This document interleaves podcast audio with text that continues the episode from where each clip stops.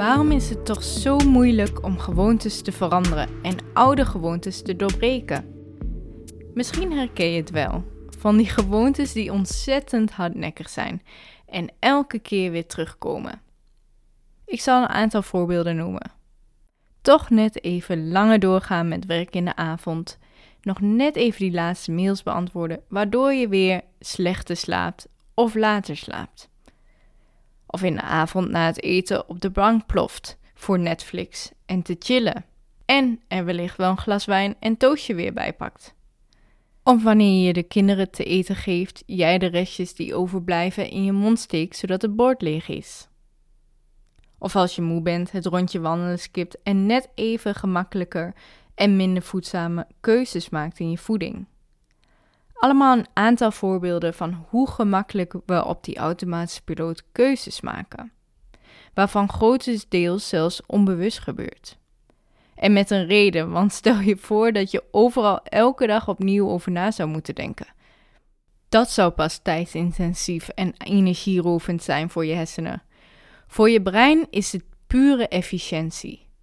En sommige gewoontes zijn er ook met een reden. Ze fungeren als overlevingsmechanisme om direct te kunnen handelen in dreigende situaties. En tuurlijk, dat is tegenwoordig niet meer vechten tegen een leeuw. Die zien er natuurlijk tegenwoordig heel anders uit en nemen een hele andere vorm aan, denkend aan chronisch stress. Um, maar toch, het heeft echt een overlevingsmechanisme, die gewoontes. Nou, wat zorgt er dan voor dat je elke keer weer opnieuw terugvalt in oude patronen? En daarvoor gaan we toch even iets dieper op gedragsverandering in. Want hoe complex het ook is, het begint allemaal bij het brein. We weten dat onze impulsen, oftewel de acties die we uitvoeren, worden gestuurd vanuit ons brein. En deze impulsen kunnen worden getriggerd door bijvoorbeeld voorwerpen, geluiden, beelden, Misschien wel dingen uit je omgeving, maar misschien ook wel een bepaald tijdstip of wat voorheen heeft plaatsgevonden en dus al eerder aangeleerd gedrag geworden is. 95% van ons gedrag is daadwerkelijk geautomatiseerd en heeft zich gevormd door de jaren heen. Je hersenen creëert gewoontes via neurale paden. En neurale paden worden ook wel verbindingen genoemd, en deze ontstaan in je brein doordat die verschillende verbindingen gemaakt worden tussen de neuronen. En sommigen denken dat we gewoontes kunnen stoppen, deleten en weg kunnen gooien, maar niets is minder waar. Want je hebt vast wel eens ervaren dat je een lange tijd bijvoorbeeld een bepaalde gewoonte niet deed, totdat je in een bepaalde situatie of omgeving kwam of iets dat het triggerde en pop, daar is die gewoonte weer. En dat zit dus als volgt. We hebben namelijk een gewoonte loop, of ook wel de habit loop genoemd. En dat begint dus eerst met een trigger, een signaal wat heeft plaatsgevonden. En vervolgens anticipeer je met een bepaalde routine of gewoonte een actie die je dus hebt gecreëerd.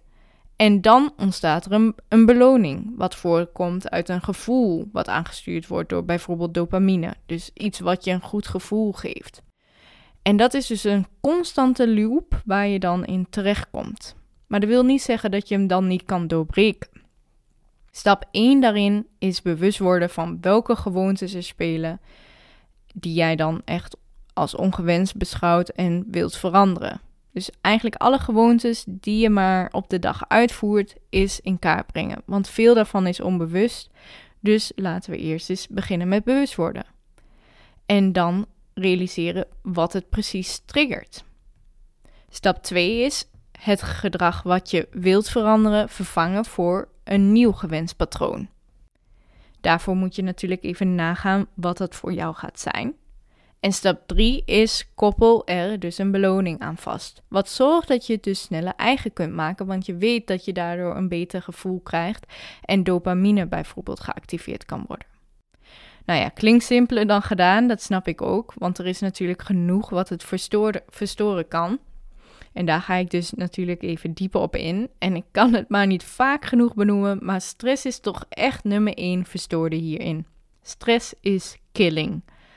Het activeert je sympathisch zenuwstelsel, oftewel de fight or flight or freeze mode. En dat is juist de fase, de modus waar het lichaam zo efficiënt mogelijk wil reageren.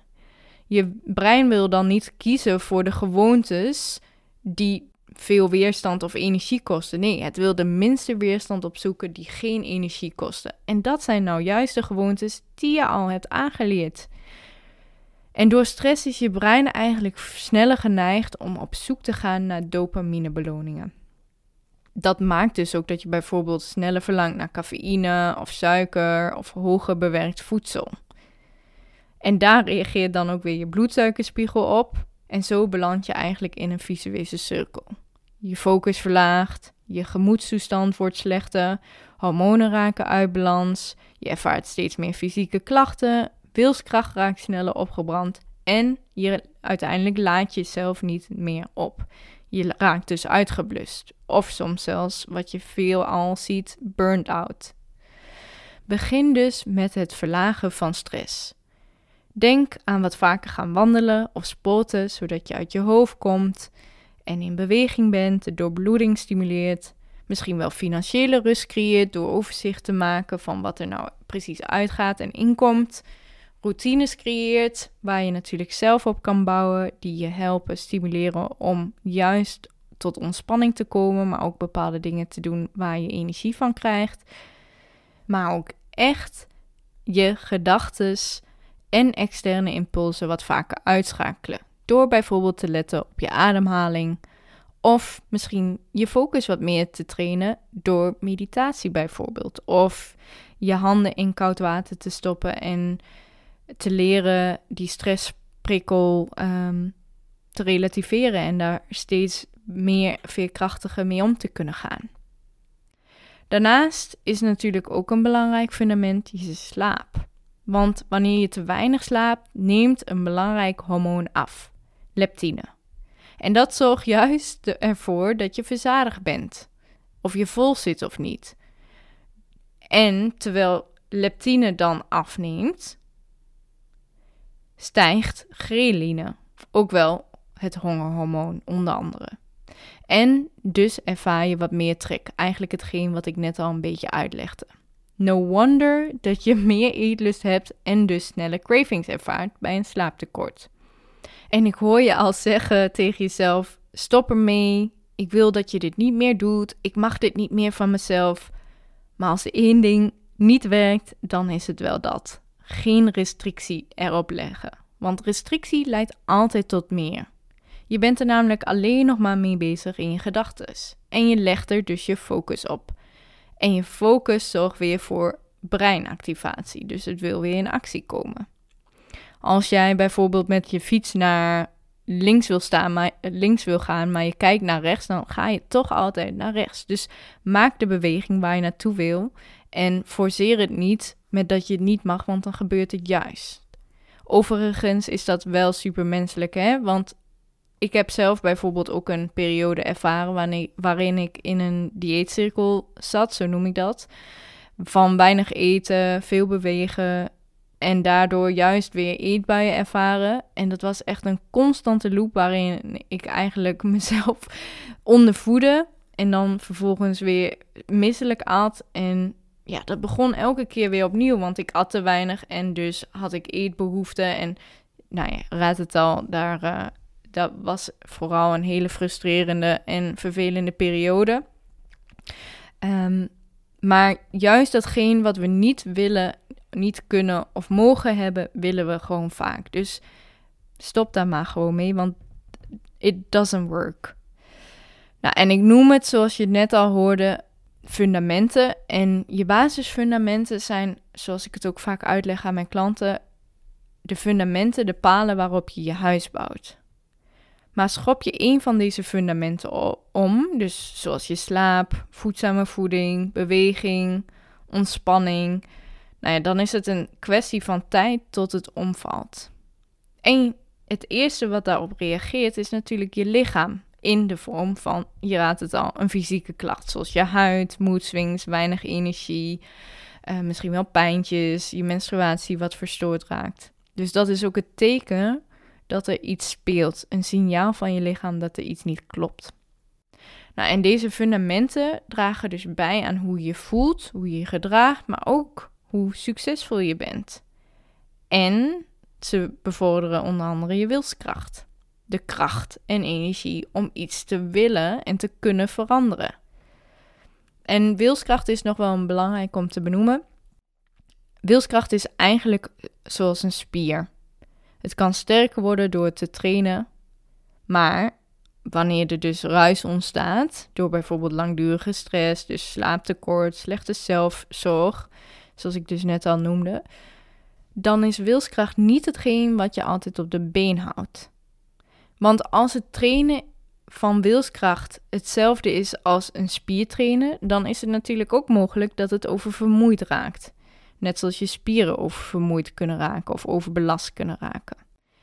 En dat is precies wat ik ook vaak terugzie en hoor in kennismakingen of bij klanten die net starten. Ze ervaren dan specifieke klachten die ze misschien al wel langere tijd, al dan niet jarenlang mee rondlopen. Wat ze dan ook ontzettend veel energie kost, omdat ze daar maar in door blijven forceren, niet meer ontspannen en geen rust meer in ervaren. Maar toch blijven ze doorgaan op wilskracht. Totdat de druk en de nood dusdanig hoog is, dan pas komen ze in beweging. En dat is dan niet omdat de wilskracht op is geraakt, maar vaak is dat omdat uh, de relatie of de kinderen eronder lijden, de energie wat constant laag is, waardoor dat invloed heeft op hoe je presteert in je bedrijf. Of dat jij uh, constant forceert en daardoor eigenlijk helemaal niet meer het leven ervaart en beleeft, waardoor de vervulling mist. Of misschien wel je geluksgevoel onderdrukt wordt en steeds minder en minder wordt. Nou, is this you, dan wordt het dus echt tijd om in beweging te komen. Maar zelfs als zijn de klachten dusdanig heftig en lijden we eronder, is het soms ook nog steeds niet genoeg redenen om in beweging te komen. En daarom zie ik helaas nog al te vaak dat er pas beweging komt en verandering komt als er een ervaring is met bijvoorbeeld een ziekte, overlijden of bijvoorbeeld vruchtbaarheidsproblemen, een kinderwens die niet tot vervulling komt. En dat uh, benoem ik even, ik spreek zelf ook uit ervaring. Ik kwam zelf namelijk ook pas tot de realisatie dat ik dingen in mijn leven anders wilde doen in terms of rust of hoe ik mijn werk indeelde, in geluks ervaren omdat mijn oma toen tijdens corona overleed, waar ik een goede band mee had. Maar die eigenlijk door mijn eigen drukte in mijn bedrijf minder opzocht, terwijl ik heel goed met haar kon. En net op het moment dat ik besloot haar vaker te bezoeken, um, was zij dusdanig ziek dat ze besloot euthanasie te plegen. Wat natuurlijk een super moedige beslissing is, maar tegelijkertijd ook heel moeilijk. En mijn moeder werd gediagnosticeerd met longkanker en drie hersentumoren. Nou ja, je realiseert je dan pas eigenlijk van: hé, hey, waar was ik al die tijd mee bezig? En is dit nou echt de essentie van leven? Wil ik zo leven? Is dit nou waar ik al mijn energie en tijd en aandacht aan wil besteden?